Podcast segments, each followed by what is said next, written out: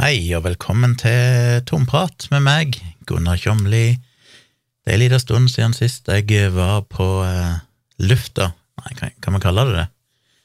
Kan vi kalle det å være på lufta når du lager podkast? Du kan vel egentlig ikke det. Men eh, en stund siden jeg lagde podkast, fordi jeg rett og slett eh, ikke fikk gjort noe i forrige uke. Verken tomprat eller virkelig grusomt. Forrige uke var ei travel uke, så kommer jeg litt inn på det. Men eh, dagens høydepunkt er jo at jeg har fått meg en iPhone 14 Pro Max. Jeg skippa jo fjorårets modell, iPhone 13, så jeg har gått med iPhone 12 i et par år nå. Og jeg kan, kunne levd teknisk sett helt fint videre med iPhone 12. Men eh, kameraene har jo blitt en del bedre. De ble jo en del bedre i iPhone 13, men siden jeg ikke tar så mye bilder eller filmer så mye, så tenkte jeg det er ikke så viktig. Men det som vel kanskje var Det var vel to ting som solgte meg inn på denne nye modellen. Den ene er helt meningsløs, og det var denne her Dynamic Island, som Apple så fint kaller det. Som rett og slett er at de har fjerna den der notchen, den der busslomma, som noen kaller det, på toppen av skjermen, og heller bare fått en eh, avlang dings litt ned forbi toppen av skjermen. Og den har de jo klart å gjøre litt uh, interessant gjort den dynamisk ved at de integrerer grafikken og sånn rundt den faktiske døde delen av skjermen, alt jeg seg, der kamera og sensorer og sånn ligger. Så det er jo helt meningsløst. Jeg hadde jo ingen problemer med den gamle busslomma, men jeg ble litt, jeg syntes den var litt kul. Tenkte sånn, ja, ok, det er en bitte liten grunn til at jeg får lyst til å oppgradere. Og så var det det med always on-skjerm. Det var nok en feature som jeg ble litt solgt på. Jeg ble, var jo veldig gira på det når Apple Watchen kom omsider, med en skjerm som alltid kunne være på, istedenfor at den ble helt svart når du ikke brukte den. For da var det slitsomt hvis du ja, dreiv med et eller annet der du ikke hadde hendene ledige og trengte å se på en timer eller se hvor klokka var, eller et eller annet sånt, så måtte du liksom ta på skjermen, så da måtte jeg av og til bruke hodet og prøve å tappe skjermen med nesetuppen min eller et eller annet sånt for å vekke telefonen til, nei, vekke klokka til live. Men så fikk han jo Always On-skjerm, og da kan du alltid bare kikke på skjermen og se hva som eventuelt måtte være på, så det likte jeg. Og det konseptet hadde jeg lyst til å ha på mobilen òg, for jeg er en person som ganske hyppig sitter og tapper borti skjermen på mobilen min for å se om det er kommet noen notifications eller et eller annet. De viktigste notificationsene får jeg jo på klokka mi òg, vibrerer i håndleddet, men det er noen mer sånne stillegående notifications som bare dukker opp på skjermen. Eh, andre ganger vil jeg bare se hvor klokka er, som er ganske ironisk, for jeg har en Apple Watch på håndleddet. Allikevel så hender det at jeg ser på telefonen for å se hvor mye klokka er. Eh, men det er sånne ting. Kalenderoppføring og alt mulig rart. Og nå som de har fått støtte for at du kan ha den type widgets på skjermen, som de fikk nå med den nyeste software-oppgraderinga, IOS 16, der du kan ha kalender og alt mulig slags dingser på forsida av skjermen, så er det litt kjipt at skjermen slår seg helt av, for da må du hele tiden tappe borti skjermen for å vekke den til live, sånn at du kan se disse her widgetene på forsida. Så det var kanskje de to tingene der, pluss uh, selvfølgelig bedre kamera. Nå som jeg hadde hoppet over en generasjon, så hadde jeg litt lyst til å ha de gode kameraene som er på de nye telefonene. Så jeg fikk den i dag. Det var helsike å bestille som vanlig. Meg og Tone satt jo klar. Jeg hadde oppe to forskjellige nettlesere på datamaskinen jeg hadde min eh, Brave-nettleser, som er det jeg bruker til vanlig. Men så åpna jeg jo opp Safari, for jeg tenkte sånn Det kan jo være at Apple eh, har en sånn liten prioritering av sin egen nettleser. Fordi de, gikk, de kom vel i sal klokka to eller tre eller noe sånt på fredag. Klokka to, tror jeg kanskje. Og da sitter du der og venter, men så er liksom Apple Storen da stengt og de, de, åpner liksom for forskjellige personer på forskjellige tidspunkt. Så noen, jeg vet ikke om de går på geografiske regioner, eller det må nok være geografi primært de går på. Så det er litt tilfeldig. Så noen kommer vel inn sånn omtrent klokka to. Uh, sist jeg bestilte, for to år siden, så husker jeg at meg og Tone satt i Oslo. Jeg satt inn på kontoret mitt, og hun satt i stua. Og jeg kom inn jeg tror jeg kom inn, eller det hun kom inn. En av kom iallfall inn lenge før den andre, selv om vi satt på samme nettverket og alt dette her. Eh, så jeg satt jo med to nettlesere oppe, klar på Apple Store, der det bare var en sånn eh, svart skjerm der det sto liksom eh, ja, snart det kommer online. Og så hadde jeg Apple Store-appen på iPhonen som jeg har hørt skal være den beste måten å bestille på, for det ser ut til at de, Apple den, den står å den, at du gjerne kommer inn i butikken fortere med appen enn du gjør i nettleseren. Så jeg drev jo og killa appen og restarta den og killa den og restarta den og switcha mellom wifi og 4G bare for å være på forskjellige IP-adresser. Men eh, kom ikke inn før klokka var vel nesten tror jeg var nesten ti over to før vi slapp inn. Slapp Tone inn litt før meg, selv om hun satt på samme nettet, ti centimeter på sida av meg her på kontoret mitt. Så slapp hun inn noen minutter før meg. Men så fikk hun noen problemer med betalinga, og et eller annet, og jeg hørte andre som har klagd på det òg, at når du skal betale, så bare får du en feilmelding. Et eller annet er galt med noe adresse eller noe sånt, men så vil han ikke si hva som egentlig er galt, og så ser alt helt korrekt ut. Så hun fikk jo fanken ikke bestilt, og selv om jeg kom inn i butikken en del minutter seinere enn hun, så fikk jo jeg bestilt ganske kjapt. Og så ble hun sittende der frustrert, fikk ikke lagt inn bestillinger, så til slutt så bare bestilte jeg telefonen til hun òg, og så bare vippsa hun meg pengene etterpå. Eh, så vi fikk bestilt til slutt, men det var jo litt stress. Tidligere år så er det jo vært sånn at du kunne legge klar det du skulle ha i handlevogna og sånn, sånn at egentlig alt var klar, så når butikken åpna, så var det bare å gå inn og velge produkter og basically trykke på kjøp og betale. Eh, det gikk ikke i år. Vi fant ingen måte å gjøre det på. Var inne på AppStoren eh, noen dager før og dagen før og prøvde liksom å gå inn og, og se om det gikk an å lagre valgene, for du må gjennom en del valg. Du må velge modellen, minne, farge, om du skal ha Apple Care, om du vil bytte inn en tidligere mobil og få penger for den i bytte og sånne ting. Så det er en del ting du må gjennom. Og tidligere har du kunnet gjøre det på forhånd, sånn at alle valgene ligger klar, men det gikk ikke i år. Selv om jeg hørte på ATP-podkasten, som jo er en av mine favorittpodkaster, så snakket de om at det hadde blitt så mye bedre. Nå kunne du gjøre alt ferdig, enda mer enn det du kunne gjøre tidligere, så det bare var inn og trykke kjøp, og så var du ferdig. Så det gikk tydeligvis an i USA, da, men tydeligvis ikke i Norge, med mindre vi overså et eller annet, åpenbart. Men vi fikk nå bestilt. Dette er jo som vanlig verdens største eh, first world problem, å ha problemer med å bestille en ny iPhone. Men det betyr jo at hvis du er blant de første som bestiller, så får du den jo på day one, som da er sju dager etterpå, altså fredagen, et, første fredagen etter du bestiller. Og det, når jeg først gikk inn, eller når Tone først gikk inn, siden hun kom inn før meg, så sto det at leveringa var da førstkommende fredag. Men da jeg endelig kom inn noen minutter seinere, så var den forskjøvet til slutten av uka etterpå, så nesten to uker. Men eh, så fikk jeg allikevel telefonen i dag, istedenfor på fredag, så bare ei helg imellom, så jeg kan ikke klage, og Tone får sin på onsdag. Litt uvisst om det er fordi vi bestilte den noen minutter seinere, eller om det er fordi hun valgte den nye fargen, som er lilla. Og det er jo ofte sånn når du bestiller den nye fargen, som det ofte er mest press på, flest skal ha den, så ikke alltid det lureste valget med tanke på å få rask levering. Jeg bestilte en eh, traust, god, gammeldags svart iPhone, og fikk den tidligere, muligens på grunn av det, eller bare fordi jeg bestilte tre-fire minutter før hun. Men telefonen er her. Satt og satt den opp. Det er jo en jobb. Selve det å installere en ny telefon er jo gjort veldig sømløst fra Apple. Det er jo basically bare å skru den på, og så holder du den i nærheten av den gamle telefonen, og så spør han vil du overføre. Så sier du ja og taster inn en eh, kode for å bekrefte den og sånn greie, og så går resten av seg sjøl. Men etter jeg hadde installert telefonen, så må jeg gå inn på alle appene mine, og jeg har jo en del apper jeg bruker, blant annet spesielt apper for passord, autentisering og, og, diverse sånne ting.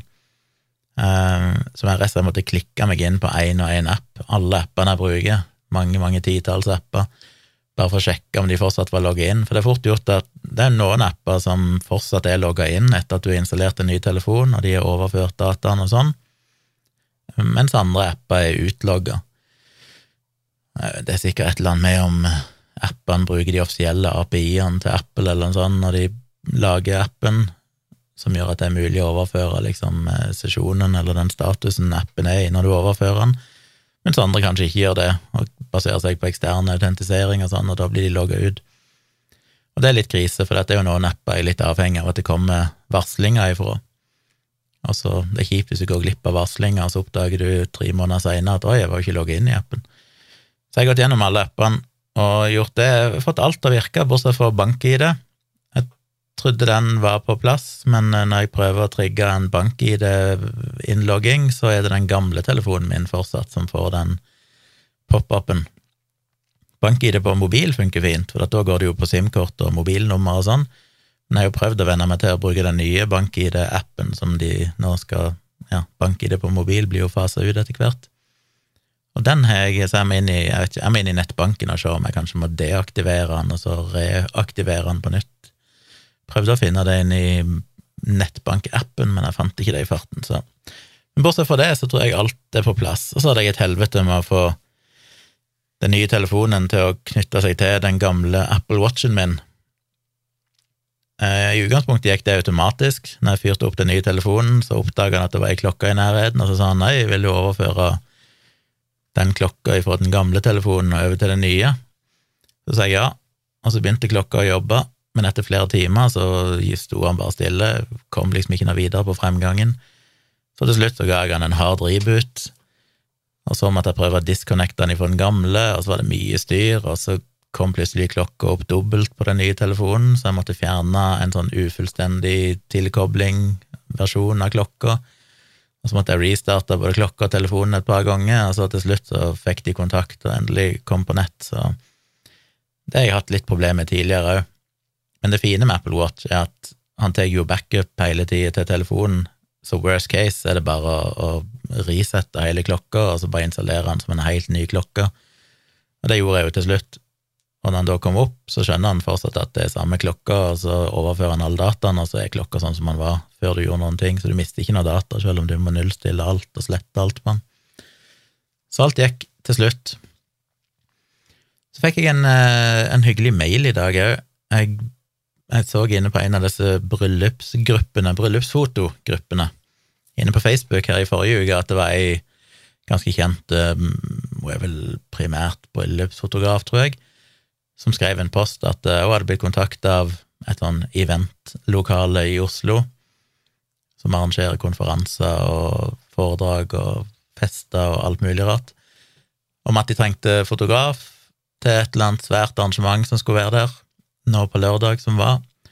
Og hun kunne ikke, så var det sagt hun skulle prøve å se om hun fant noen andre, og jeg tok kontakt og sa hei, det kan jeg være interessert i, for jeg var tilfeldigvis i Oslo nå i helge. Tenkte en fotojobb er jo ikke å forakte. Så jeg ringte eh, kontaktpersonen på dette eventstedet. Viser seg at de hadde allerede fått tak på fotografer, så det var ikke aktuelt, men uh, hun lurte jo på om jeg var fotograf og sånn, og om jeg drev med det profesjonelt, og så sa jeg ja, og så sa jeg jeg kunne sende henne litt informasjon. Så etter vi hadde prata, så sendte henne en mail med link til bildene mine og litt sånn. Og så har jeg ikke hørt noe mer, men i dag fikk jeg mail òg, og hun var jo så overveldende positiv, syntes bildene mine var så fantastiske og hun ville så gjerne bruke meg i framtida, og de hadde visst et tonn med bryllup lina opp neste år som allerede var booka i lokalene deres, og masse greier, så hun skulle ta kontakt når det ble aktuelt. Så en vet jo selvfølgelig aldri hva som skjer med det, men det hadde jo vært drømmen hvis en fikk en sånn eh, nesten en fast eh, avtale med et sånt lokale som det, som arrangerer alt mulig, inklusiv bryllup og fester der de trenger fotograf. Kanskje de leverer en full pakke for bryllup, inklusiv fotograf og sånn, og så kan du komme og gjøre jobben. Nå vet ikke jeg hvordan det er betalt, sammenlignet med å, å finne kunder sjøl og avtale direkte med kunden, det vil jo vise seg, men det er jo verdt å få mindre betalt hvis du bare kan bli booka inn og alt er ferdig. Så vi får se, men det var kult at hun digga bildene mine, og det er jo sånne type oppdrag jeg gjerne vil ha, den type faste avtaler, eller det blir jo ikke en fast avtale, men at du får en en fot innenfor et eller annet sted som kan generere masse oppdrag. Det er jo liksom det ultimate for min del. Så vi får se. Det var veldig hyggelig og oppløftende å få den mailen, så håper jeg det kan bli til noe.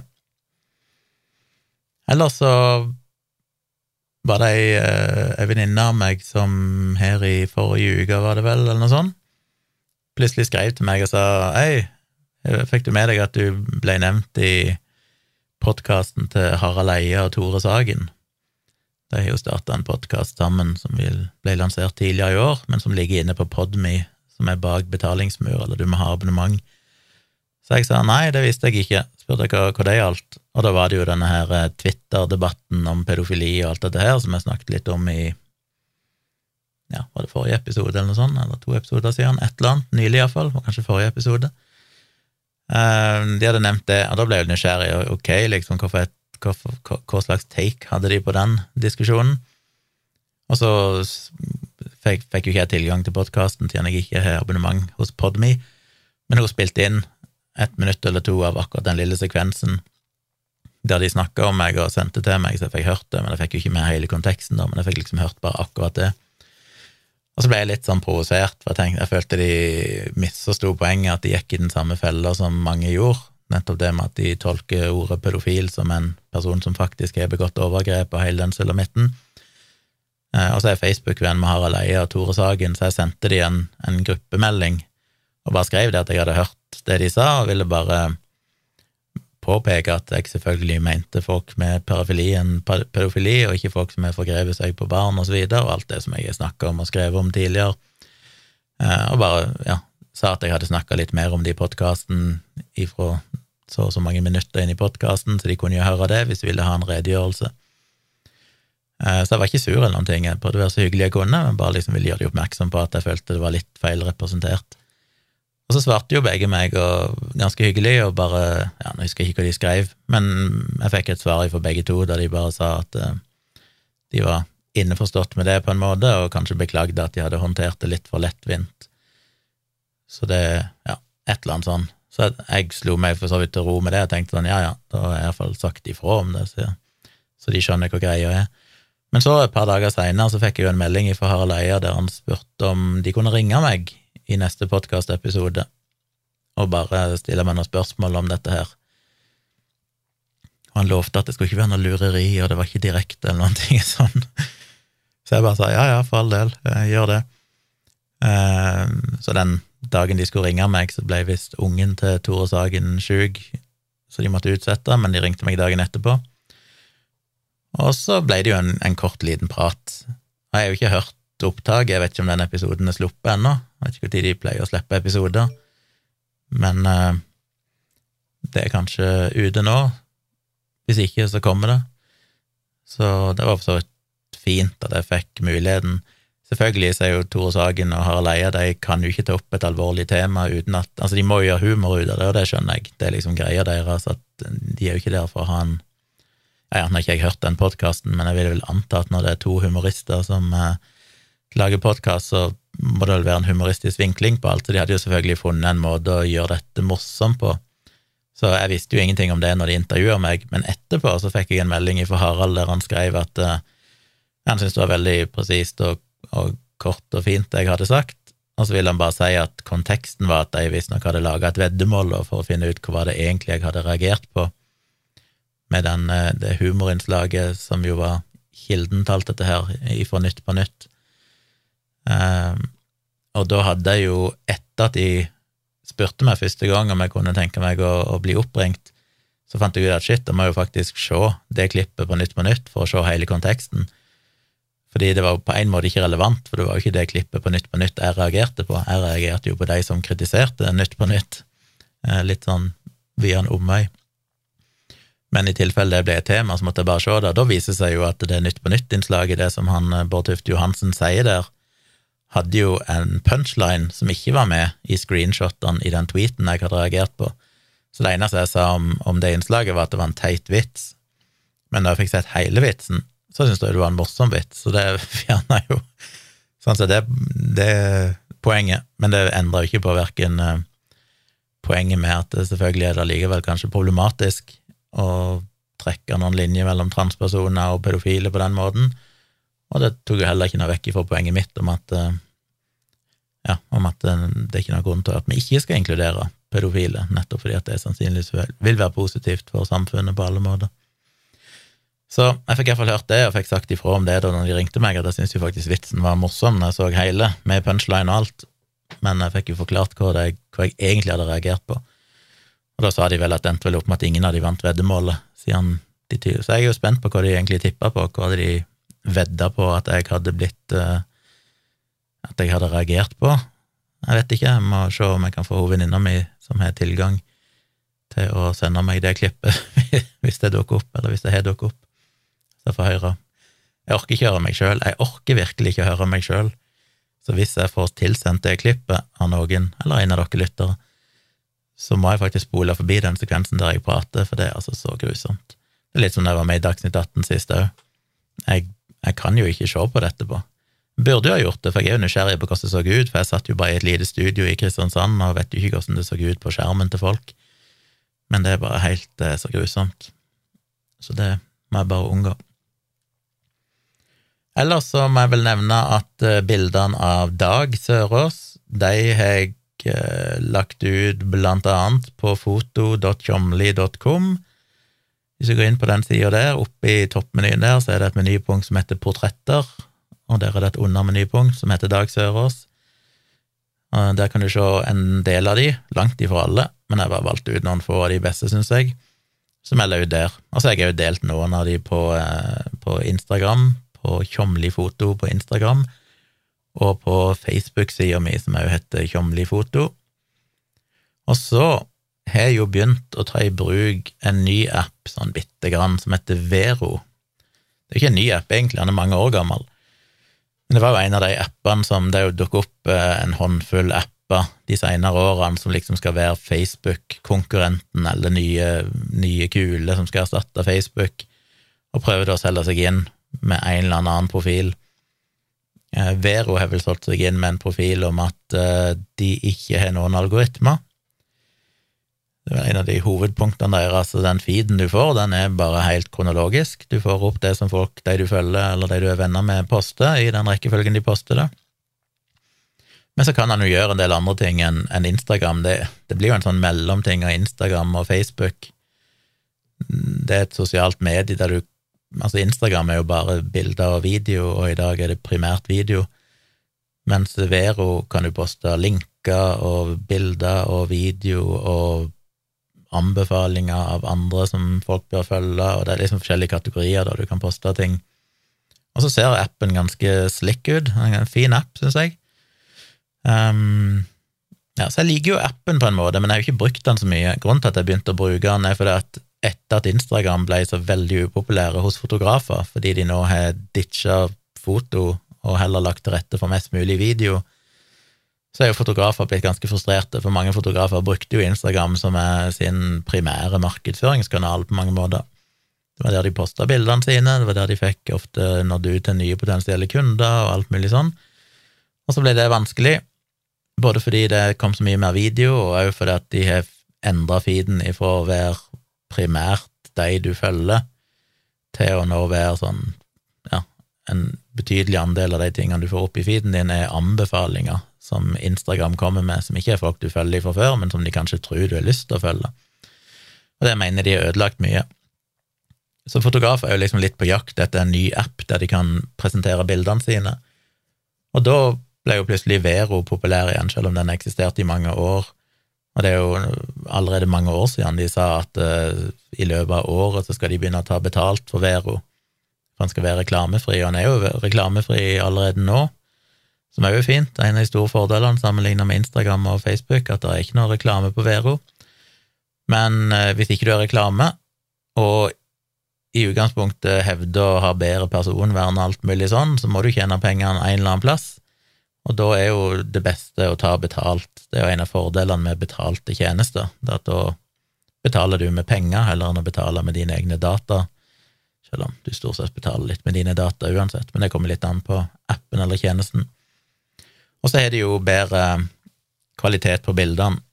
Du kan laste opp bildene i det formatet du sjøl måtte ønske. På Instagram så har de jo bare faste formater. Det er kvadratisk, eller så er det fire-fem, eller så er det liggende format. Og da må du som regel beskjære bildene dine. Og det er så irriterende. Det gjelder jo de bildene av Dag, for eksempel. Hvis du går inn på foto.tjomli.com, så får du se de sånn de skal se ut.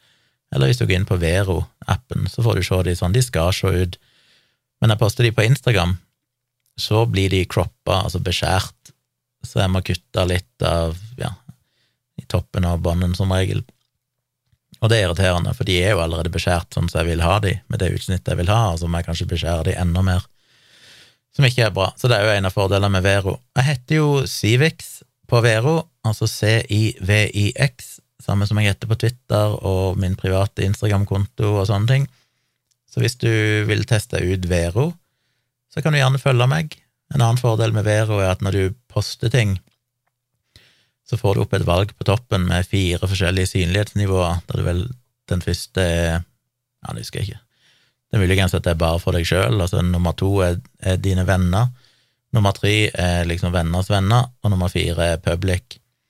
Og det samme gjør du når du legger til folk. Du kan jo følge folk, men hvis du legger til noen som venn, så kan du sjøl velge om denne personen skal være i din innerste sirkel, eller bare en bekjent, eller bare noen du følger som ikke du kjenner i det hele tatt, liksom.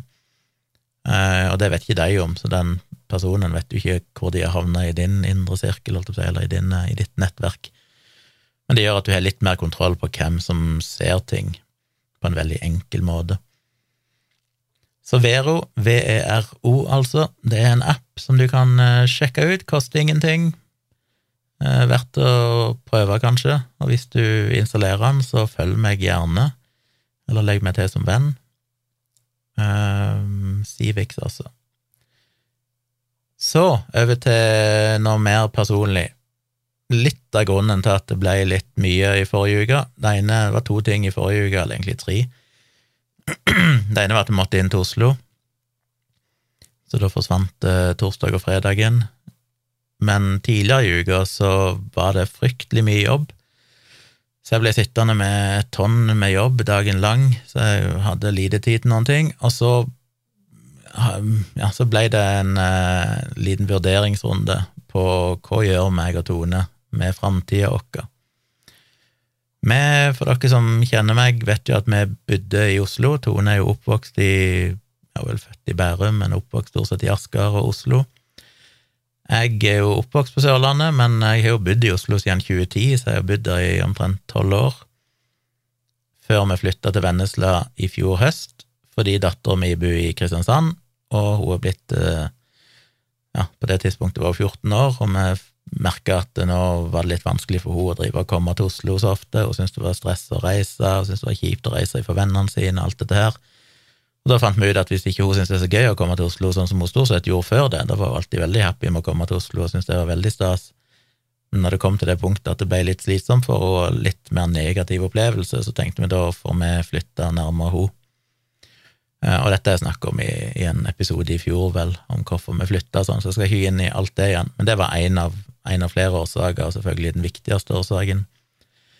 Eh, vi ville jo egentlig bo i Kristiansand, men det var for dyrt å bo der, og alt dette her, som endte opp på Vennesla, som ligger ca. 20 minutter, 25 minutters kjøring fra Kristiansand. Og så eh, prøvde vi jo det, og tanken var jo da vi flytta, at la oss prøve dette. Worst case, så kan vi ombestemme oss. Men vi flytta jo her, solgte den leiligheten vi hadde i Oslo, kjøpte dere et uh, mye rimeligere hus her. Det er jo rimeligere å bo her enn det å bo i Oslo. Prøvde det. Uh, etter kort tid så begynte jeg å få litt sånn fotooppdrag i Oslo og sånn, og så endte vi opp med å leie en knøttliten hybel i Oslo. Bare sånn at jeg slapp å booke flere netter på hotell hver gang jeg skulle inn til Oslo og gjøre et eller annet. Og så var det jo litt lettere for Tone å holde litt kontakten med tross alt sitt hjemsted. Men så har jo spesielt Tone vel egentlig merka at hun ikke har det så bra her. Uh, hun er jo sliter jo en del ja, psykisk generelt sett, som hun jo har snakka mye om i sin egen podkast som heter Nerve, for de som ønsker å høre på den. Uh, og det gjør det ikke lettere hvis hun bor en plass hun ikke trives helt, og ikke føler hun har noe nettverk, og ikke føler at uh, omgivelsene og omstendighetene egentlig funker så bra. Så vi begynte jo å diskutere litt, ok, det, vi kan ikke ha det sånn at du blir mentalt dårligere av å bo her. Så hva gjør vi da? Så vi tenkte jo først kanskje vi kan flytte til Kristiansand, kanskje det vil hjelpe. Komme oss iallfall litt nærmere en slags liten by. Men jeg var litt usikker på om det ville være nok. Jeg var veldig sånn, Det er veldig dumt å ta hele det bryderiet med å flytte til Kristiansand, selge huset her, kjøpe nytt hvis det viser seg at det egentlig ikke hjelper så mye, og jeg innerst inne følte vel ikke egentlig at det ville helt løse problemet, det ville bli et sånn magert plaster på såret som kanskje ikke egentlig ville gjøre ting så mye bedre. Og etter hvert, så mens eh, månedene og ukene gikk, så, eller ukene og månedene gikk, så merka vel Tone òg at det hun trenger, er å komme seg tilbake til Oslo. Hun mistrives faktisk her såpass mye. Og så blir jo jeg da selvfølgelig splitta fordi at jeg vil bo nær min datter.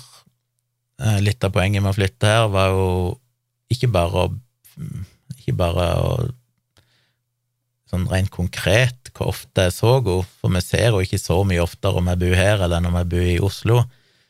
Fordi hun er opptatt med sine ting og ute med venner, og det blir liksom de helgene. Vi ser henne litt mer, for hun kan komme her oftere i helgene sånn enn det hun gjorde før. Men det er mer den der eh, nærheten, det med at hvis noe skjer, så, så er jeg i nærområdet, heller enn at jeg føler at jeg er på andre sida av landet, liksom, og føler meg veldig fjern ifra det som skjer, og må kun kommunisere via telefon eller SMS og sånn. Og det var jo et par hendelser før vi flytta fra Oslo som gjorde at jeg, jeg syntes det var vanskelig å være så langt vekke ifra når et eller annet eh, oppsto. Og sånn er det jo, spesielt når du er tenåring, og det blir mer eh, drama i venneflokken, og det blir mer ting som skjer, og alt mulig, så, så føles det som at det er kanskje viktigere og viktigere at jeg er så nær henne som mulig. Så jeg ble jo litt dratt mellom ok, jeg har Tone, som mistrives her, jeg har min datter, som jeg har et ansvar for. Hvordan skal jeg vekte det? Hva, hva, og jeg har altså vært så eh, mentalt utslitt, egentlig, de siste ukene, fordi jeg har tenkt Jeg har liksom prøvd og prøvd og tenkt på en løsning kan vi bo i Kristiansand og ha en liten leilighet i Oslo, eller bør vi ha en større leilighet i Oslo og heller ha en liten hybel i Kristiansand? Bør vi pendle, bør vi bo i Kristiansand og pendle til Oslo, eller bør vi bo i Oslo og pendle til Kristiansand? Kan vi bo i Oslo, og, og dattera mi kommer bare av og til, annenhver måned eller noe sånt, men så de andre gangene så reiser jeg heller her, fordi når jeg bor her, så må jeg uansett kjøre til Oslo et par ganger i måneden, så jeg kan jo kjøre andre veien. Men da har jeg ikke noe skikkelig hjem til Maja her. Eh, hvis jeg bare har en bitte liten leilighet, og det blir for dyrt, skal vi ha en leilighet med et eget rom til hun her, og samtidig ha en slags leilighet det går an å bo i i Oslo. Jeg var altså sånn, hva gjør vi? Og det huset vi bor i her i Vennesla, det er jo tre etasjer. Det er ikke så veldig stort, det er små etasjer, så i areal så er det ikke veldig stort hus ganske lite hus, men det er fordelt på tre etasjer, og den nederste er jo en utleiedel, så når vi kjøpte det, så var jo det sperra av som en utleiedel. Men vi kunne åpne opp en sånn bitte liten trappeoppgang og sånn, sånn at det gikk an å på en måte kombinere de tre etasjene og bo der sjøl, og det er jo det jeg gjør, som dere vet. Jeg har jo kontoret mitt her nede, YouTube-studio og sånn i nederste etasjen. Men etter mye om og men, og prat med dattera mi og prat med mora til dattera mi og prøve å finne en løsning som som gjorde at jeg kunne både være så mye som mulig her med henne, og samtidig Tone kunne kanskje være mest mulig i Oslo, sendte meg opp med en løsning som bare plutselig ramla inn i hodet mitt, og det var jo at uh, kanskje skal, vi skal leie ut den delen her nede. For det er en ganske så flott leilighet med ganske stor stue. Jeg vet ikke hvor mange kvadrat den er, men det er mm, relativt ja, det må vel være en 40 eh, et eller annet kvadrat der nede, vil jeg tro. Ja, minst. Jo større enn den leiligheten jeg hadde. Det må nesten være 50 kvadrat eller sånn her nede, vil jeg tro. Med et veldig fint bad, eh, greit kjøkken, og alt er relativt nytt, for det er ikke noe gammelt hus.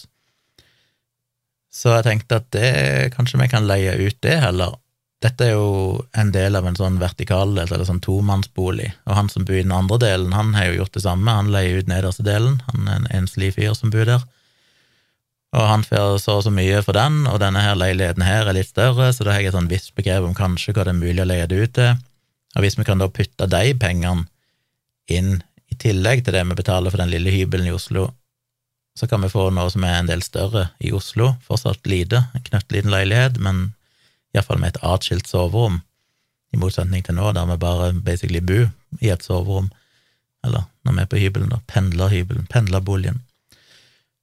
Så det som nok kommer til å skje, er jo at til en viss grad så kommer meg og Tone til å bo litt på forskjellige plasser.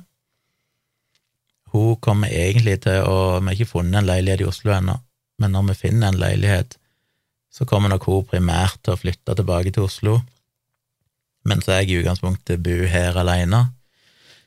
Eh, det blir jo egentlig mest på papiret, for i praksis så kommer jeg til å reise inn og være ganske mye med henne i Oslo, og hun kommer til å komme her litt, så vi kommer ikke til å være så veldig mye fra hverandre, men det blir selvfølgelig ja, en del tid ifra hverandre òg. Og det gjør at jeg kan være her nær dattera mi.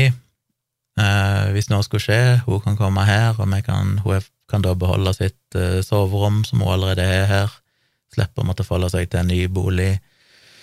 Og så får Tone være mest mulig i Oslo, og får en, en grei, liten leilighet der, som jeg tror vil være veldig bra for henne.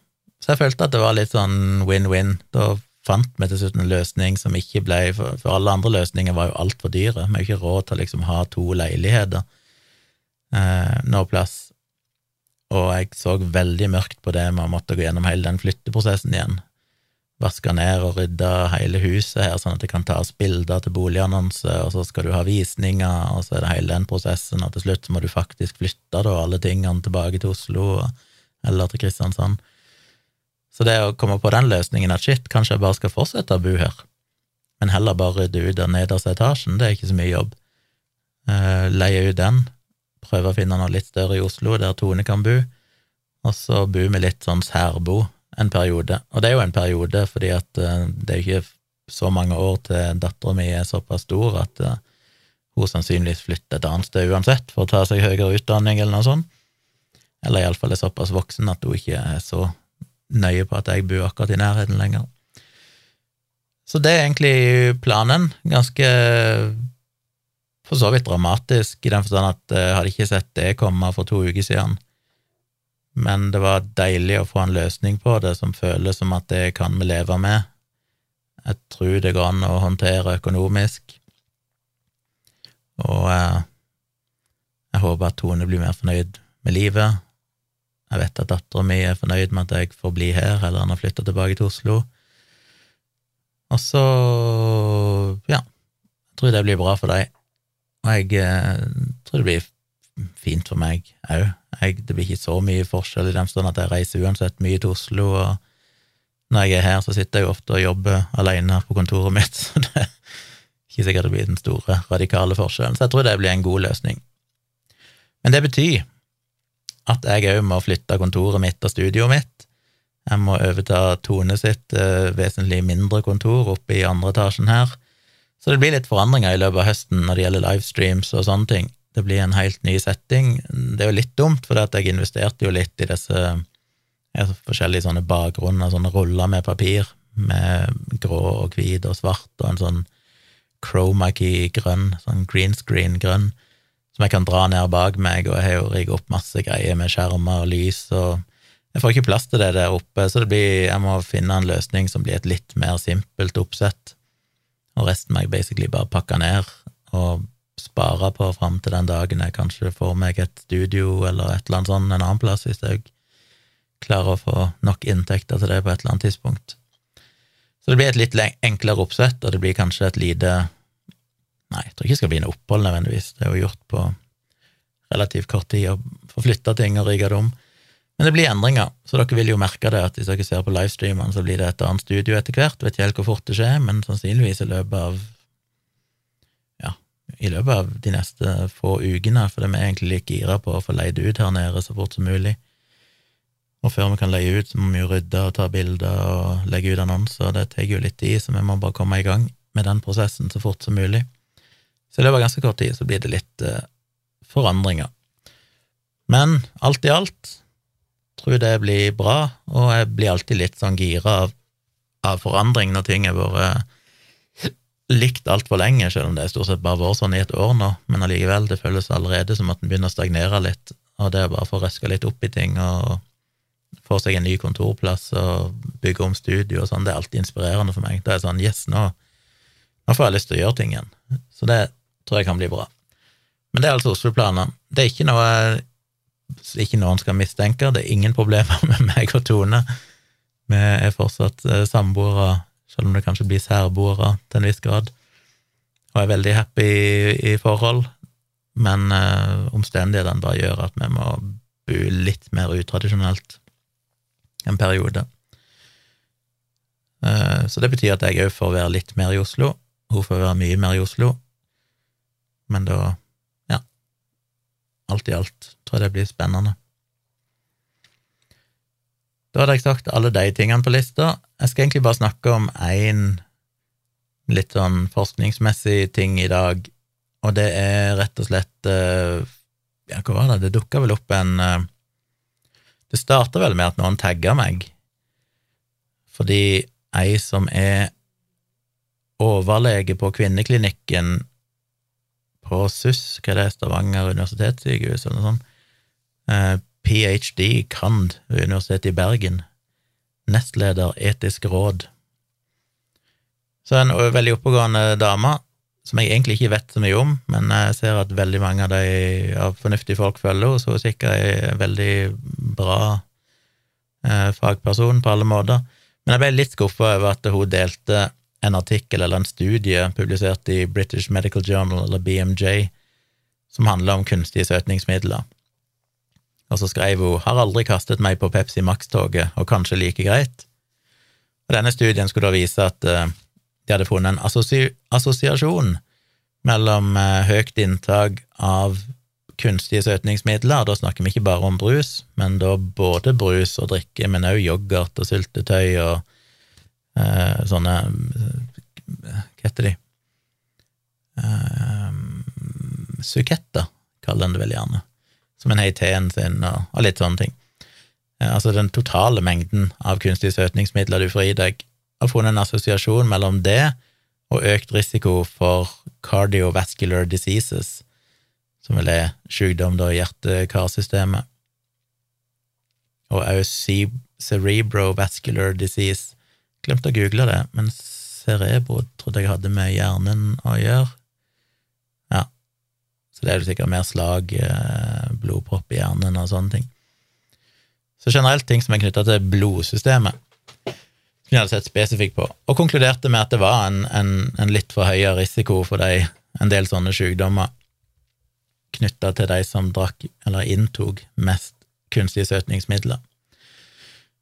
Og når hun deler den tweeten på den måten hun gjør, så insinuerer hun jo at uh, se der, det var kanskje lurt å ikke drikke Pepsi Max, for her viser det seg jo at det er en risiko knytta til det. Og så er det jo selvfølgelig mange som kaster seg over det og sier ha, hva var det vi sa? Og så ser jeg jo blant annet Dagbladet har skrevet om det. Som, altså det er jo det som er problemet med den type studier, det er jo at avisene kaster seg over det. Kaster seg over de og skriver om det som om dette er en sannhet, og det er jo det hele håndboka i krisemaksimering, den boka jeg ga ut for noen år siden, den handler jo veldig mye om det. Jeg har jo et eget kapittel om hvorfor du ikke kan stole på enkeltstudier, hvorfor du ikke kan vurdere forskning på den måten, og hva som er problemet med at media promoterer den type studier, som egentlig ikke forteller dere noen ting som helst. Så jeg ble jo litt provosert, og så skrev jeg en serie med tweets som svar til henne, eh, før jeg så at Dagbladet sånn hadde skrevet om det. Det er sikkert flere aviser, jeg kunne ikke sjekke, jeg bare så at hun hadde tvitra om det, så da reagerte jeg på det. Men jeg tenkte jeg kunne bare si litt kort om hva som var problemet. Dette er altså en, en stor studie, en fransk studie, publisert veldig nylig, altså nå 7. september 2022, som da mener å finne denne sammenhengen. De baserer seg på en gruppe mennesker som er en del av noe som heter for Nutrinet Santé-kohorten. Og det er altså en, en, en gruppe frivillige deltakere i Frankrike, eh, over 100 000, som har meldt seg på å være med på dette forskningsprosjektet, og det er ikke bare til denne studien, men det er på en måte folk som da rapporterer inn mye om kostholdet sitt og sånn, jevnlig, sånn at de kan bruke det til å utføre forskjellig type forskning og finne ut om det finnes assosiasjoner mellom forskjellige typer mat og drikke og livsstilsfaktorer og forskjellige sykdommer og sånn. Men en av de tingene de da hadde brukt denne disse 100 000 pluss menneskene til, var jo da å sjekke om eh, La på hvor mye de får i seg av kunstig søtningsstoffer, og om det slår ut da på hjerte-karsykdommer og blodsykdommer i, i, hjernen, og mente da at de fant det. Men allerede der så er det viktig å huske på at dette her er altså Dette er jo ikke en kontrollert studie. Det vil si, du har ikke ei gruppe som du fòrer med kunstige søtningsmidler, og ei gruppe som ikke gjør det, som eventuelt bare får vanlig sukker, eller Og så ser du hvordan det går med de. Hvis du hadde gjort det, så kunne du, gitt at du kontrollerer for eh, de variablene du kan, og har full kontroll på hva de inntar av mat og drikke og sånn, så kan du finne veldig sannsynlige kausale sammenhenger. Altså, du kan stort sett se at hvis den gruppa som inntok mye kunstige søtningsmidler, hadde høyere risiko for disse sykdommene enn det kontrollgruppa hadde, og de, bortsett fra de kunstige søtningsmidlene, ellers var helt identiske. Det var jevnt fordelt i alder og kjønn og BMI og mosjon og røyking og alkohol og alt mulig sånn, og alt det der er justert for. Det skal være mest mulig like de to gruppene, du skal bare ha én ting som er forskjellig, og det er inntak av kunstige søtningsmidler. Da kan du finne eh, med relativt stor troverdighet eh, sånne sammenhenger, gitt selvfølgelig mange faktorer, at det er mange nok folk med, at ikke det er noen, noen åpenbare feil i studien og alt det der. Men denne type studie som vi snakker om her, er jo ikke en sånn studie. Du er ikke noen kontrollgruppe.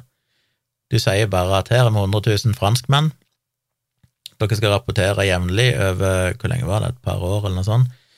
Eh, nei, det var mer enn det. Det var en del år uh, framover. Hva de spiser og drikker og sånn, og så bruker vi det til å se om det er noe sånn at de som inntar mer av et eller annet ting, har større risiko for noe annet. Og den type studier kan per definisjon ikke finne årsakssammenhenger. I en perfekt verden så kunne de det, hvis det var sånn at du kunne eliminere alle andre faktorer enn bare de kunstige søtningsmidlene, så kunne du eh, så ville det være omtrent som en kontrollert studie. Men du kan ikke det. Eh, det fine med en kontrollert studie er at du har mange mennesker, og du randomiserer de, og det betyr at eh, alle forskjeller på en måte skal, ut, skal nulle hverandre ut i de to gruppene, for hvis det er litt ja, at har du én person som er veldig fysisk aktiv i den ene gruppa, så vil det sannsynligvis være noen som er veldig lite fysisk aktiv i den andre gruppa, og i snitt så vil liksom det jevne seg ut, sånn at du bare har én variabel som er forskjellig, og det er da inntak av kunstige søtningsmidler. Det klarer du ikke her, for her er det jo bare ei stor gruppe, en stor bolk med mennesker. Og så må man da etterpå prøve å justere for de tingene og si ok, vi så at uh, de som hadde en BMI over 30 og inntok så og så mye kunstige søtningsmidler, men òg røykte, men ikke drakk, men òg var sånn og sånn alder, og så prøver de da å vekte alle de tingene med en eller annen faktor for å prøve liksom å nøytralisere de forskjellene, fordi er du sterkt overvektig eller veldig lite mosjon eller røyker eller drikker mye, så vil jo de tingene øke risikoen for disse sykdommene.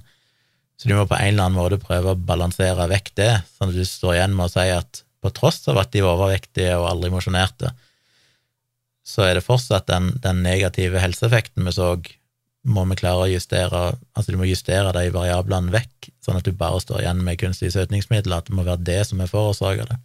Men det klarer du ikke. Til og med om du Og her lister de opp alle de tingene som de korrigerer for, og det var jo Sto ikke det her en plass? Uh, ja, det skal jeg ikke Men det er de vanlige tingene. Det er jo kjønn og alder og BMI og røyking og drikking og alt mulig sånn. Uh, selv om du har ei lang liste med sånne, så er det første problemet at du vet jo ikke helt hvordan du skal, vekt, altså hvordan du skal justere de faktorene. Kan du gjøre det riktig? Kan du si at hvis du har sånn og sånn BMI, eller kombinert med røyking, for det er jo så mange altså Det er praktisk talt et uendelig antall med kombinasjoner du kan ha. Du kan ha noen som er veldig overvektige, men som aldri røyker og drikker, og er relativt mosjonerer ganske ofte. Men du kan òg ha noen som mosjonerer ofte og drikker mye, men ikke røyker, og allikevel er overvektige. Eller noen som er undervektige og ikke røyker, men drikker en del og nesten ikke mosjonerer. Altså, det er så mange kombinasjoner at det å klare å, å liksom finne de kombinasjonene og justere de vekk, er jo basically umulig. Så derfor vil du aldri få noen perfekte data ut av dette her. Eh, og i tillegg så er det jo alle de variablene du ikke justerer for. Det kan jo være tonnevis av ting som du bare ikke har tenkt på. Det kan jo være um, arbeidsforhold, hvor de er utsatt av av miljøgifter, det kan være genetiske faktorer avhengig av hvor geografisk de hører til i landet. Altså Det er så mange ting som ikke engang blir justert for i det hele tatt. Så det kan jo være at de som har en høyere, de som er genetisk disponert for hjerteinfarkt, at de genene òg gjør at du kanskje er mer interessert i å, å, få i deg søte ting, at du derfor bruker mer kunstige søtningsmidler. Altså Det er jo sånne sammenhenger du aldri klarer å eliminere her. Så det eneste du ender opp med å finne, er en assosiasjon. Du ser at de som inntok mest kunstige søtningsmidler, òg hadde litt høyere risiko for disse sykdommene men den assosiasjonen kan jo skyldes en tredje faktor.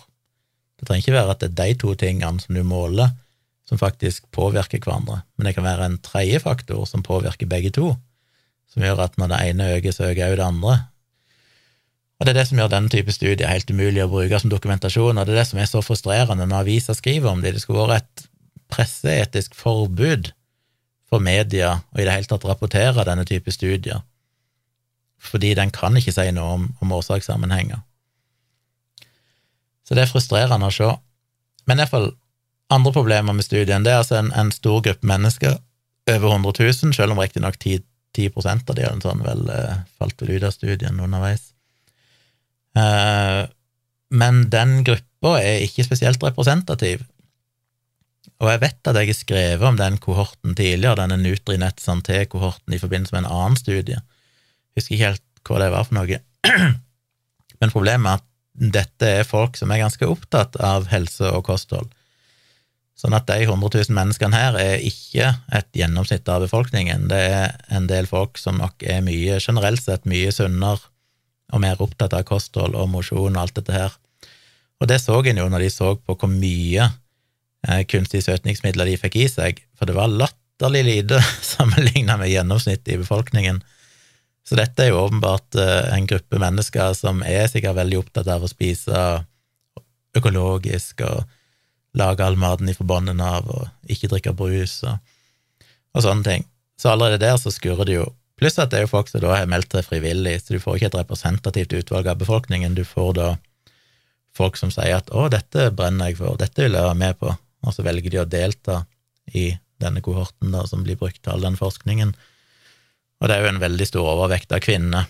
Jeg tror det var noe sånn som 80% av de var kvinner, sånn, så derfor kan du heller ikke generalisere resultatet. Selv om det skulle være en kausal sammenheng, så vet en ikke om det da primært gjelder kvinner, eller om det gjelder menn. Eh, men det sier jo litt, og når det er en så stor overvekt av kvinner, så er det gjerne for at kvinner har en tendens til å være litt mer opptatt av den type ting, og dermed så vil det være en overvekt av dem i nettopp en sånn studie der folk frivillig deltar på grunnlag av det de interesserer seg for. Og så var jo risikoøkningen veldig liten, vil jeg si. Når det gjaldt hjerte-karsykdommer, så var det vel 32 flere tilfeller av eh, hjerte-karsykdom per 100 000 personår for de med høyt inntak av kunstig søtningsmidler. For uh, uh, cerebrovascular disease, jeg vet ikke hva det norske ordet er, men altså det som har med hjernen å gjøre, så var det 45 flere tilfeller per 100 000 personår, og så videre. Og hvis du reduserte det bare for eksempel til aspartam eller acesulfam K og sånn, så fikk du jo enda færre da per kunstig søtningsmiddel, for det er jo mange forskjellige kunstige søtningsmidler, selv om jeg føler 90% umiddelbart tenker aspartam. Så er det jo òg sukralose, acesulfam K og sånne ting. Eh, og sånn som sukralose slo jo sånn sett mye dårligere ut enn det aspartam, hvis du begynner å telle antall tilfeller, men likevel er det veldig få som går rundt og bekymrer seg for sukralose, de bekymrer seg for aspartam, for det de hørt om, selv om til og med denne studien, som de da sikkert vil bruke som bevis på hvor farlig det er, fant færre tilfeller hos uh...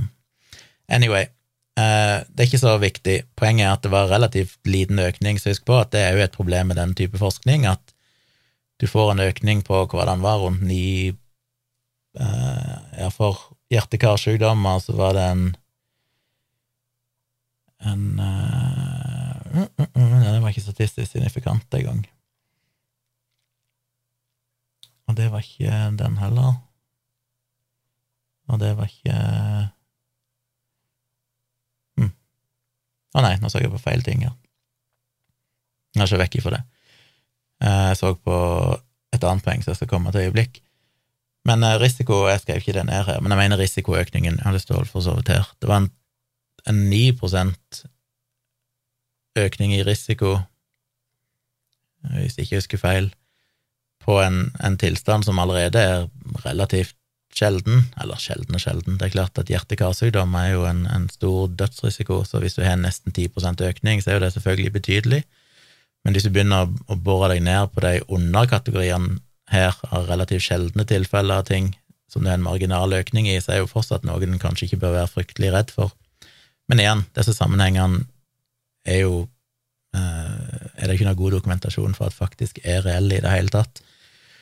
Og det er jo da en kommer til de virkelige motargumentene hos studien, for alt det jeg har sagt nå, er jo mer sånn problemer med den type studier generelt sett. Og jeg må jo bare si før jeg fortsetter, at selve studien i seg sjøl er jo god, virker det som. Det er jo tross alt over 100 000 deltakere, og de har virkelig prøvd å justere så godt de kan for alle faktorer. Men allikevel så overselger de jo, og når de begynner å lese teksten Jeg har lest hele studien, jeg har lest vedleggene, jeg har lest de tabellene med tilleggsdata, og når du ser hvordan du formulerer deg, så virker det jo som at de har en slags bias mot uh, kunstige søtningsmidler. For de er jo veldig på dette her med at uh, det er mye som tyder på at det er farlig, selv om si, faglig konsensus generelt sett er at etter å forska på dette i over 50 år, så finner vi egentlig ikke noe god dokumentasjon på at det er farlig. Så de virker til å ha en sånn slagside mot at her skal de vise hvor farlig det er. Men det som virkelig gjør at en, en blir skeptisk, er jo eh, at hvis du ser på dose og respons, for det er jo ofte der det feiler i denne type studier, for det hvis det var en faktisk sammenheng mellom at du inntar et eller annet stoff og øker risikoen for en eller annen sykdom, så vil en som regel anta at det er en slags lineær doserespons, det vil si at jo mer du inntar, jo mer risiko for, høyere risiko for den sykdommen får du. Det fant de jo ikke her. Her fant de jo merkelig nok ut at hvis du inntar bitte grann, altså de som var i lav, lavinntakgruppa, for flere av disse sykdommene faktisk hadde høyere risiko enn hvis du inntok mye kunstig søtningsmidler. Da sank faktisk risikoen. Og det har en jo også sett i tilsvarende studier med mobilstråling og sånn, som viser at de studiene er sannsynligvis helt verdiløse, der det er sånn hvis du blir eksponert for blant annet den forskningen til Lennart Hardell og sånn, der du ganske ofte finner at de som hadde litt eh, eksponering for mobilstråling, hadde veldig høy risiko for hjernekreft, mens de som hadde massiv eksponering, hadde plutselig ingenting, eller kanskje enda mindre enn de som aldri ble eksponert, sånn at det faktisk hadde en beskyttende effekt. Og det er sånn, ok, Da skjønner du at det det egentlig handler om her, det er gjerne hukommelsesskeivhet. At uh, folk skal prøve å tenke tilbake igjen på hvor mye har du brukt telefonen siste året, ikke sant? Og så får du helt fullstendig ville data fordi folk husker feil.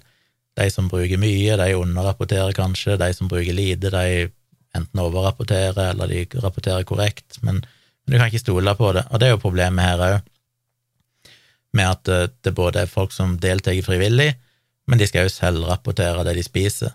Nå har de gjort det, så vidt jeg kunne forstå, på en ganske så god og grundig måte, eh, men et annet problem her er jo at alt det de inntar, må jo regnes om til en eller annen mengde med kunstige søtningsmidler, fordi det finnes mange forskjellige kunstige søtningsmidler. Så da baserer de seg på en eller annen slags standardisert tabell der du kan si at den og den matvaren inneholder kunstige søtningsmidler som vekter for eh, ja, på en måte som er normalisert til å være så og så mye. Men så finnes det jo Kjøper du en yoghurt, så kan du jo finne 1000 forskjellige merkevarer av den yoghurten. Og da er det sånn, har vi egentlig data for alle? Hva er forskjellene mellom de forskjellige produsentene? Så de innrømmer jo det sjøl i studien, at de sier at dette kan jo være feil. De kan ikke garantere at denne vektinga deres, der de prøver å normalisere liksom de faktiske verdiene, faktisk stemmer. Så det blir jo òg en stor skeivhet, eller en stor svakhet, i studien. Men det største ankepunktet for meg er jo dette med at de ikke fant en skikkelig doserespons. At det faktisk, den kurva er, er helt all over the place. Og det pleier å være et klassisk tegn på enten feilrapportering, når folk skal rapportere hva de har spist, og prøve å huske det, så har jo gjerne folk en tendens til å fremst, prøve å fremstå som sunnere enn det de er, og dermed kanskje underrapportere inntak av sukker og sånn, og heller overrapportere inntaket av kunstige søtningsmidler, for det høres bedre ut, og så videre, eller at de bare ikke husker det når de skal tenke tilbake i tid, men her tror jeg de skulle rapportere bare siste 24 timene, og da er det litt lettere når det er en kortere periode. Og så er det denne her eh, problemet med res, Hva heter det? Eh, ja, iallfall det som jeg snakker om og skrev om mye tidligere når jeg skrev om kunstige søtningsmidler, det er jo det at du ser at folk som kanskje er slitt med høy BMI eller fedme og sykdom knytta til for høyt inntak av kalorier, gjerne da switcher til kunstige søtningsmidler, altså til lettbrus og sånne ting, men de risikofaktorene de har vil jo ikke forsvinne over natta bare fordi de slutter å drikke sukkerholdig brus eller juice eller sånne ting. Så det du ser, er gjerne at de som drikker mest kunstig søta drikke, for eksempel, fortsatt ser ut til å ha en høyere risiko for forskjellige sykdommer, men det er jo ikke fordi de drikker kunstig, søtnings, eh, kunstig søta drikke, det er fordi de tidligere, kanskje 20-30 år før det, inntok for mye kalorier gjennom sukker, som gjør at de da har en for høy risiko allerede. Så den for høye risikoen de har pådratt seg før de skifta til si, en sunnere livsstil, vil jo kunne henge med de i mange, mange år, og dermed skape en falsk assosiasjon, at det ser ut som at det er de kunstige søtningsmidlene som gjør det, men egentlig så er det jo motsatt. Uh, og det så de jo blant annet uh, Det kalles for res residual confounding, tror jeg. Og det skriver de jo eksplisitt i studien. De skriver residual confounding cannot be totally excluded, and no causal relation can be established with results from a unique observational study. Så de fant jo òg at de som inntok mest Og det må jeg òg si før jeg glemmer det, som en som har kommentert den studien inne hos BMJ, en eller annen fagperson, som sier at denne studien virker jo helt crazy. For der finner de jo altså der, der skiller de jo mellom uh, De som er lavt konsum, inntok vel, så vidt jeg husker, noe som sju milligram per Ja, det var faktisk per dag, som er et veldig, veldig lavt inntak. For det akseptabelt daglig inntak i Norge eller i EU er jo satt til 40 milligram per kilo per dag. Men disse inntok så lite som hvis jeg husker rett nå, rundt sju eller noe sånn milligram per dag. Og de som var i, i høykonsumgruppa, de inntok noe sånt som 77 milligram per dag, altså ti ganger mer. Så det var en ti ganger forskjell på de som hadde lågt konsum, og de som hadde høyt konsum. Men når du så på forskjellen i risiko, så økte den bare marginalt, av og til bare med 1% eller til og med faktisk var negativ for de som hadde høyt konsum. Og det er jo et sånn rødt flagg når du altså inntar ti ganger mer av et stoff, men så øker risikoen nesten ingenting, eller til og med synker, så begynner du å stille spørsmål med dette ser jo ikke helt ut til å henge på greip. Men de fant jo at de som hadde det høyeste konsumet, de hadde stort sett høyere BMI, de var oftere røykere, de var oftere yngre mennesker, de var som regel mindre fysisk aktive, de hadde som regel slanka seg tidligere, eller dreiv og slanka seg nå, de hadde generelt sett mindre energiinntak. De hadde et lavere inntak av alkohol, fett, fiber, karbohydrater, frukt og grønnsaker, men et høyere inntak av salt, rødt og prosessert kjøtt, meieriprodukter og drikke uten tilsatt sukker. Så det understreker jo mye av det jeg sa, at her er det jo mye som tyder på at det er såkalt residual confounding, fordi de som altså hadde det høyeste konsumet av kunstige søtningsmidler, var de som generelt sett blir sett på som mer usunne. Altså, de var mer overvektige, de røyker, var, røykte oftere, de var mindre fysisk aktive, de hadde som regel slanka seg. Som alt det der peker jo i retning av at dette er folk som har slitt med vekt, og dermed switcher over til for eksempel lettbrus, men at da risikoen henger ved. Og så prøver de å korrigere for det, og så får du ikke gjort det på noen som helst perfekt måte. Så du ender vel egentlig opp med å sammenligne folk som allerede har en betydelig for høy risiko, som spiser mindre frukt og grønt og sånn, og spiser mye mer salt og rødt og prosessert kjøtt og alle de tingene vi vet har en faktisk helserisiko. Eh, du tar ei gruppe som helt åpenbart er mindre sunne, som òg, ikke tilfeldigvis, drikker mer lettbrus og inntar mer kunstig søtner, søtningsmidler fordi de allerede er overvektige eller har slitt med overvekt og derfor prøver å kutte ut sukker. Eh, så sammenligner du dem med ei gruppe som da drikker eller inntar ganske lite kunstig søtningsmidler, fordi de allerede er ganske sunne og slanke og aldri har følt behovet for å, å styrer veldig unna de tingene, og de òg spiser mer frukt og grønt, de mosjonerer mer og alt dette her. Og så sier du at de har mindre risiko for disse sykdommene. Vel, no shit, Sherlock. Det ville en vel kanskje forvente uten å ha gjort studien, generelt sett. Så der er jo et stort tankepunkt at her er det jo åpenbart to grupper som er veldig forskjellige, i risiko i utgangspunktet, selv om du ser helt vekk fra kunstige søtningsmidler. Og så har de prøvd å justere for det, men neppe klart å gjort det helt perfekt, vil jeg tro. Eh, og så er det jo det at, eh, som jeg sa, at det er veldig lave inntak av kunstige søtningsmidler i denne kohorten, fordi det generelt sett er folk som er ganske opptatt av, av eh, helse og kosthold. Og som en påpekte i, i kommentarene til denne artikkelen, så er det sånn at hvis disse folkene med såpass lågt inntak, altså mange ganger lavere enn det som er snittet i befolkningen i Frankrike, allerede har du en økning på kanskje 10% risiko, så vil en jo tro at risikoen måtte være ganske mye høyere for de som òg da inntar veldig mye mer, som de fleste gjør, eller i snitt iallfall gjør. Og hvis det var tilfellet, så ville en jo sett en epidemi av disse sykdommene, altså en veldig klar sammenheng mellom at når folk begynte å Når var det lettbrus og sånn begynte å komme, kanskje på 90-tallet, men spesielt utover 2000-tallet, så er jo det virkelig vokst, der flere og flere nå velger kunstig søta cola og sånne ting, sammenlignet med sukkerholdig. Da ville en jo sett en epidemi av disse sykdommene, og det har en jo ikke sett. En har ikke sett den helt åpenbare skredet av sånne sykdommer som er kommet. Som er jo et sånn, det, det, er litt som med mobilstråling. Hvis det virkelig var så farlig som folk hevder, så ville vi jo ha sett det nå. Da ville vi jo sett en epidemi av hjernekreft, og i realiteten så er vi ikke det. Dette har de analysert så nøye de kan. Finner ingen økning i disse, i disse sykdommene hvis vi korrigerer for at vi blir generelt sett eldre og alt dette her, eh, som jo øker risikoen for kreft. Men når du korrigerer for det, så finner du ingen økning i hjernekreft og sånn, og det er jo veldig rart hvis det faktisk var sånn at mobiltelefoner førte til en betydelig forhøyet risiko, eller til og med bare en liten forhøyet risiko. Uh, ja, så det vel stort sett de tingene jeg hadde. Så alt i alt så tenker jeg og hun, for, for, for, å ha sagt det, så sa jo hun da, etter jeg hadde kommet med den Twitter-tråden, så kom jo hun Tilde Broch Østborg på banen igjen, og, og ville bare klargjøre at jeg var helt enig, at uh, selvfølgelig så forteller ikke egentlig denne studien noe noen ting, og det er masse svakheter ved den og sånn, hun burde kanskje ikke ha formulert seg som hun gjorde, men hun var glad for at denne type forskning ble utført. Og det er der jeg er litt sånn usikker, fordi jeg er egentlig glad for at den type forskning blir utført.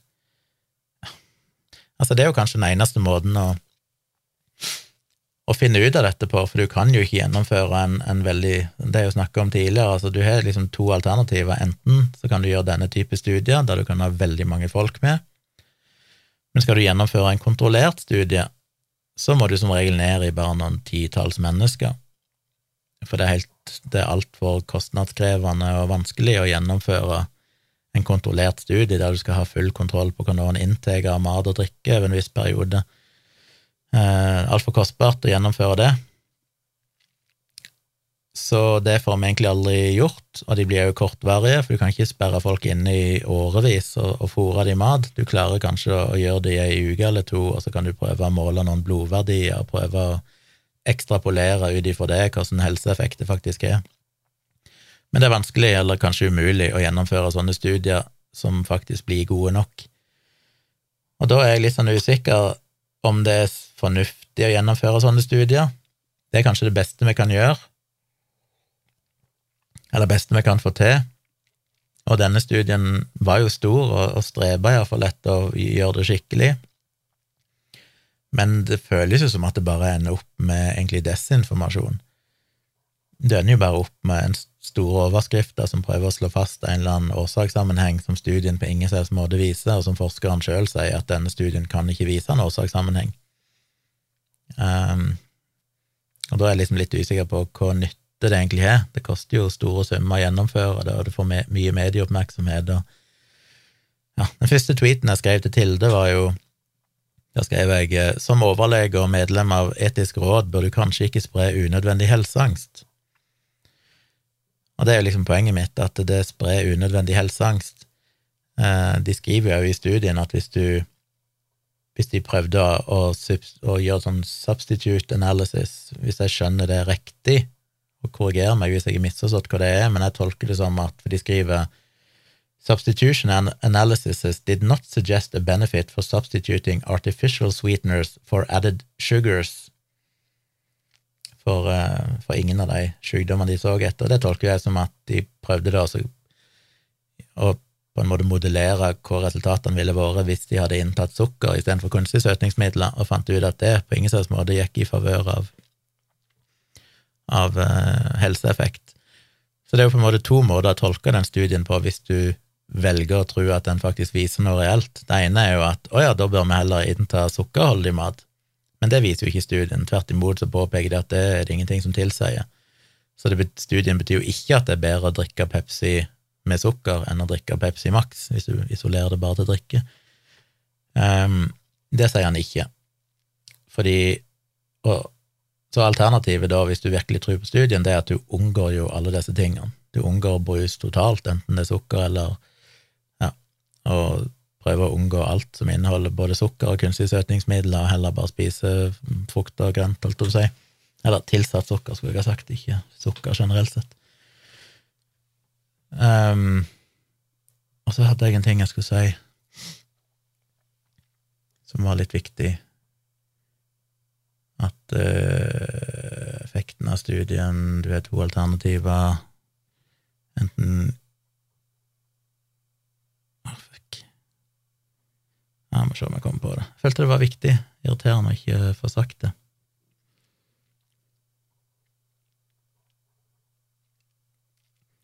Økt sukker did not suggest a benefit for substituting artificial sweeteners for added sugar Jo, det var det. En annen ting som er veldig viktig når dere ser på denne type studier, det er jo å huske at helse handler ikke bare om de to, for eksempel, endepunktene som denne studien viste til. Så la ikke si at denne studien faktisk viste en kausal sammenheng. La ikke si at han var uomtvistelig viste at ved å innta kunstige søtningsmidler, så øker du risikoen for hjerte-karsykdommer, for eksempel, eller hjerneslag eller et eller annet. Men da må du tenke deg, men hva med alt annet? Det finnes mange andre ting som er skadelige. Hvis du eksempel blir veldig overvektig, så får du et skred av helseproblemer knytta til det, kan iallfall gjøre det med både ledd og, eh, og, kreftrisiko og alt mulig rart. Så da, det du må se på, er jo summen av alt. Så sjøl om det faktisk skulle være sånn at dette kunstig søtningsmiddel økte risikoen, så må du allikevel se på, men betyr det, og da er vi jo tilbake igjen til mitt famøse falske nullpunkt, betyr det at hvis jeg eliminerer kunstige søtningsmidler og heller inntar sukker, så har jeg da fjerna risikoen? Nei, for det sukker er jo òg en risiko. Og her viser jo denne studien at sukker har samme risiko for å øke for hjerte-karsykdom og sånn som kunstige søtningsmidler, men i tillegg så fører jo sukker til et ras av andre ting, eh, eller kan gjøre det, da. Ikke sukker i seg sjøl, men det at du får i deg for mye kalorier, enten det er sukker eller andre ting, som gjør at du blir overvektig, og så videre. Så du må liksom se på totalen i dette. Og det er det som er så farlig når de peker på se her er det én spesifikk risiko, hvis du bare slutter med det, så unngår du den risikoen, men så glemmer en at ja, men alternativet har jo 100 andre typer risikoer som da vil øke, og det betyr ikke at det er et bedre alternativ. Så uansett hvordan du vrir venner på denne studien, selv om han hadde vist det han hevder å vise, som han ikke gjør, eh, så er det fortsatt ikke et argument for å unngå kunstige søtningsmidler, fordi du vil da stort sett bare pådra deg større risiko for andre ting. Så det var vel det jeg hadde å si om den studien. Jeg får se om jeg ender opp med å blogge om det. Jeg hadde egentlig lyst til det, men nå føler jeg at jeg Ja, vi får se om jeg skriver det i en bloggpost.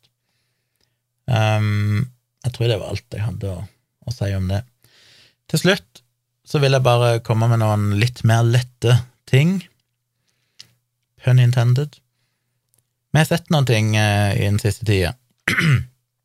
Jeg må jo som regel komme med en spoiler alert Eh, på noen av tingene. Først er at vi fikk endelig sett denne filmen som heter Everything Everywhere All At Once, som folk har rava så veldig mye over.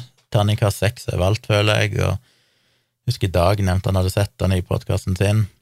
Ikke sett filmen i podkasten, men han nevnte i podkasten sin at han hadde sett filmen, og syntes den var veldig bra, hvis jeg ikke husker feil. Meg og Tone syntes ikke han var, bra. Jeg trodde det var en helt annen type film, basert på cover og sånn, jeg visste jo på en måte litt om hva det handler om, men jeg bare følte at, at den ville sånn visuelt sett se litt annerledes ut. Så jeg, jeg tenkte den kunne jeg se sammen med dattera mi når hun var her i helga. Så jeg, vi fikk med henne og lagde dere noe mat og tenkte nå skal vi se en film sammen. Og halvveis ut i filmen så gikk hun, for det var sånn, dette var jo ikke noe gøy.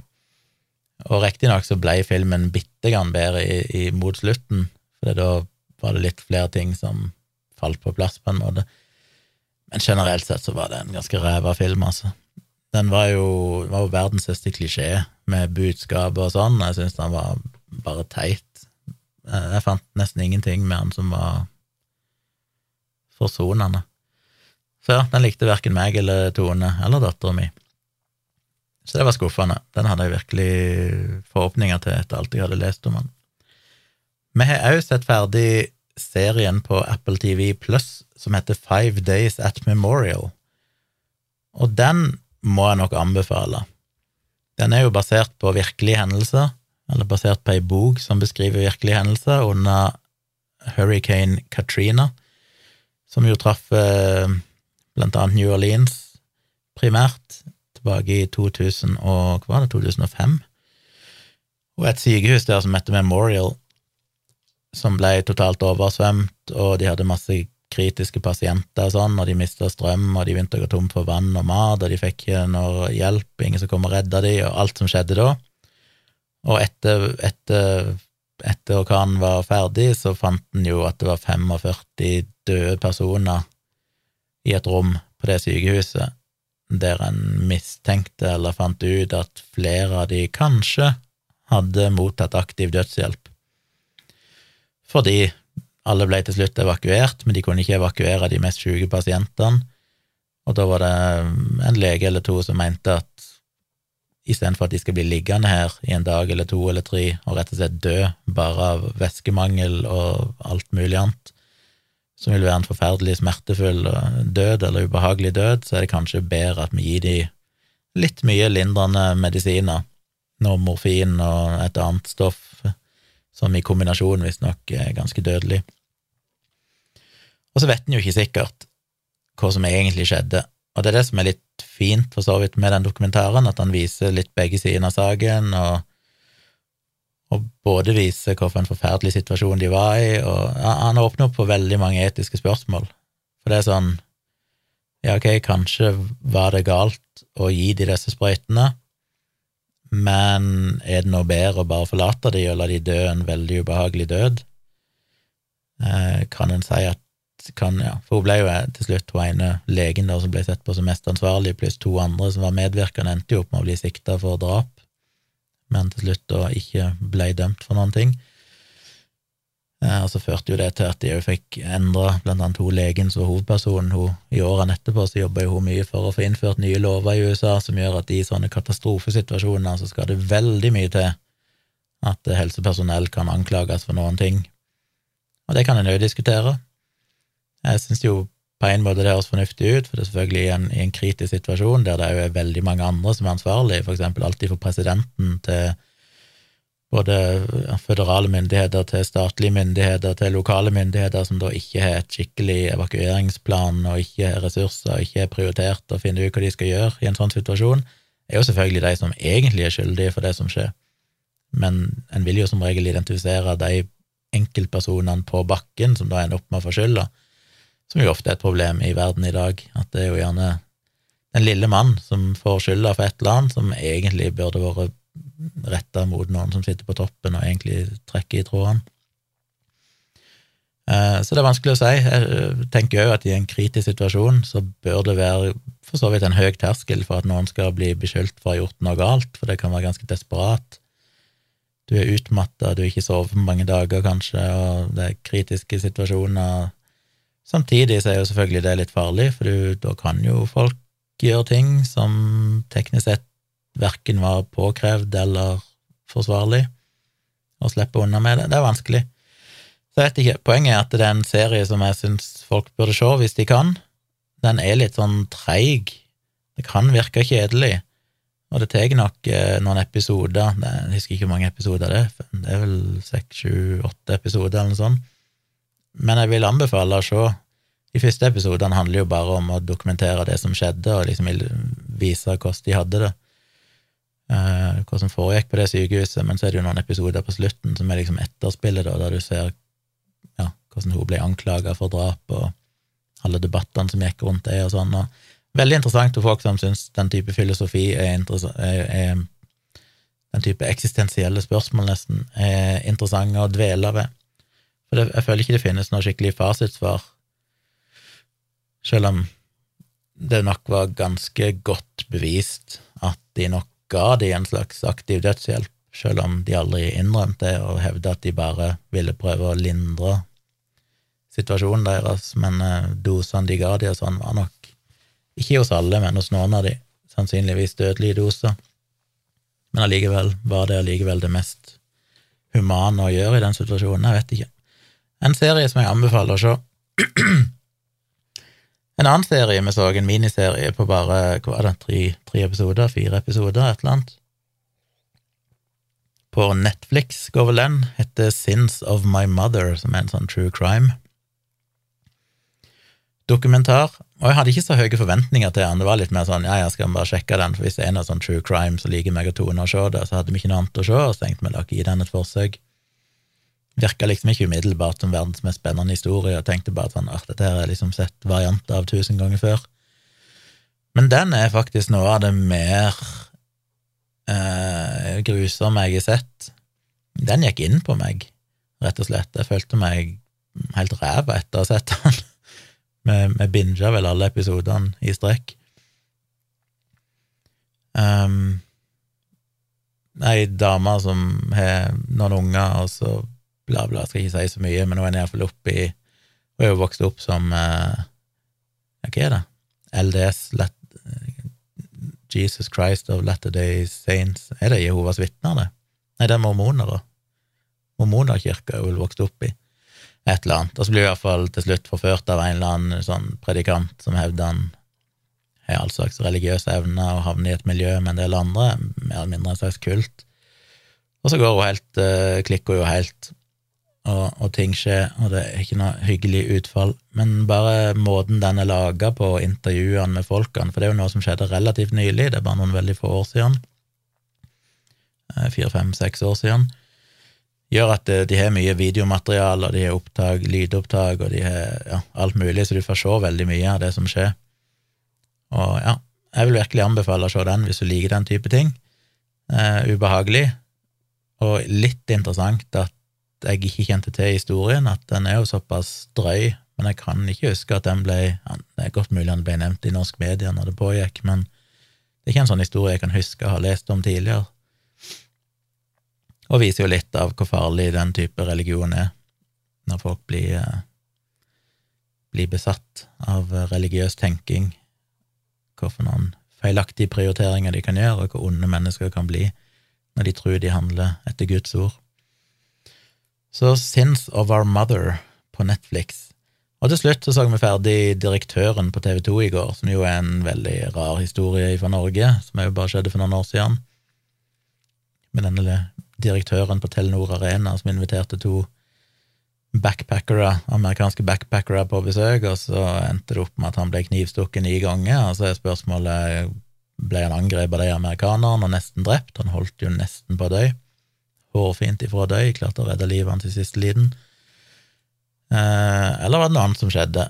For det endte jo opp med at de amerikanerne ble frikjent, og så endte det opp med at han ble dømt for å ha angrepet hun dama i det paret og at han mannen som knivstakk han, bare hadde handla i selvforsvar, eller for å beskytte kjæresten sin. Og så vet vi jo ikke hvem som snakker sant.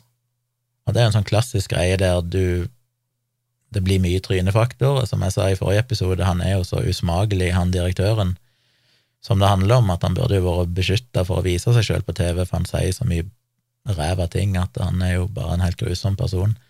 Så han får jo bare lyst å tenke at han der fortjener jo fuckings å bli dømt bare fordi han er sånn en kukskalle. Men uh, det er jo farlig når du bare misliker en person så mye at du tenker at han, han, han tror jeg ikke på. Mens de amerikanerne virker jo mye mer uskyldige og sympatiske, og det er veldig vanskelig å se for seg at de skulle ha noen grunn til å faktisk angripe han. Så jeg sitter vel igjen med inntrykk av at uh, den historien deres nok er mest sannsynlig, at jeg tror nok det var jeg tror ikke det var riktig at han ble dømt, for jeg tror det var for lite bevist at du kan dømme noen av de. Jeg tror det er for mye sprikende Ingen av de hadde jo helt konsistente historier om hva som hadde skjedd, og de endra litt forklaring og motsak hverandre. Men min følelse er vel at amerikanerne, disse backpackerne, hadde den mest troverdige historien, og fremsto mest troverdige, og hadde stort sett de fleste av bevisene på sin side, de tekniske bevisene, mens den historien hans fremsto som ganske absurd. Og så er han jo helt paranoid på slutten. Han mener jo at eh, politiet er en eh, organisert kriminell organisasjon som prøver å drepe han, Hvis han havner i fengsel, så vil han nekte å spise maten og sånn, for han var sikker på at politiet kom til å prøve å forgifte han, for det var sånn de gjorde det. Altså, han, er jo, han er jo fullstendig paranoia, den fyren, og det blir jo bare sånn Han er jo så ufordragelig kontinuerlig i alle han snakker med.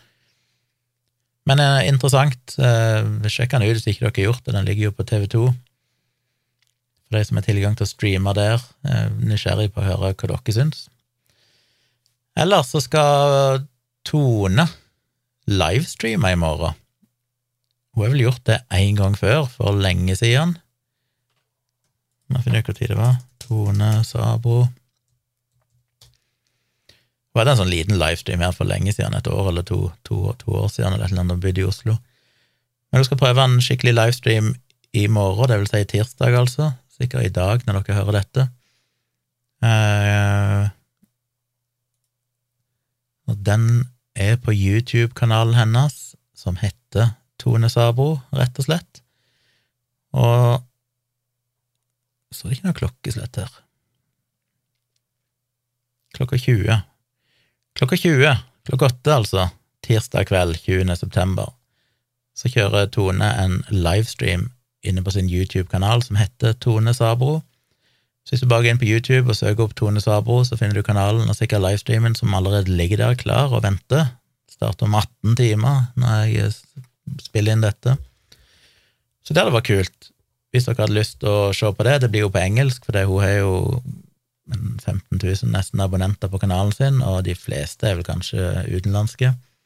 Så hun lager jo videoene sine på engelsk. Så det blir engelsk, men der kan dere delta i livechat hvis dere Hun er jo tatoveringsgeek og psykologigeek og litt sånn, så det går an å komme inn og stille henne spørsmål om alt mulig rart, og så vil hun prate om det. Så gjør gjerne det.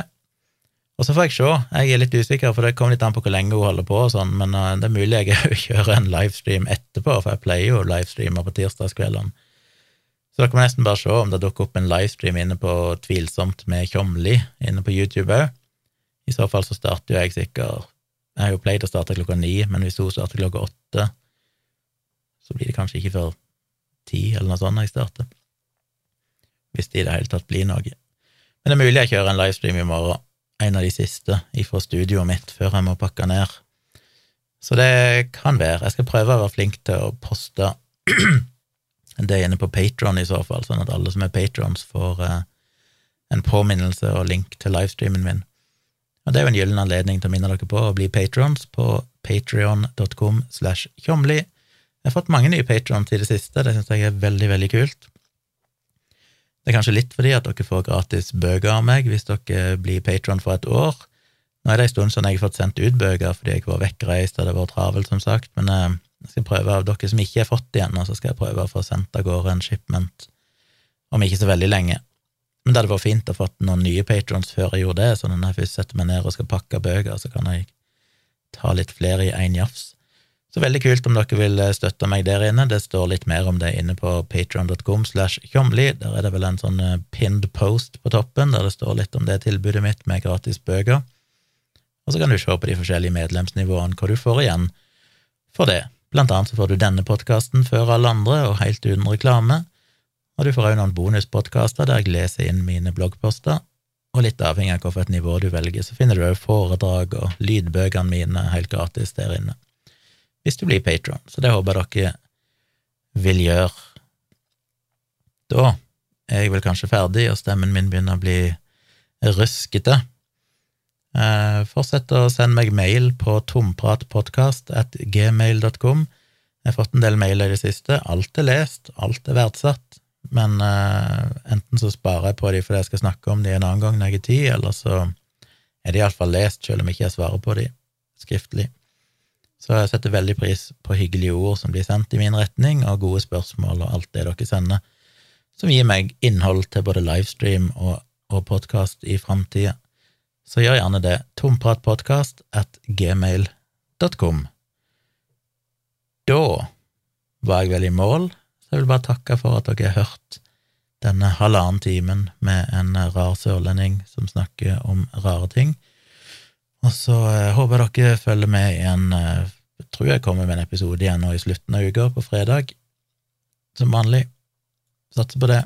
Håper dere abonnerer og gjerne gi meg noen hyggelige ratings inne på ja, der dere kan gi stjerner og alt mulig sånn. Det hjelper meg veldig mye. Takk. Vi høres igjen ganske så snart.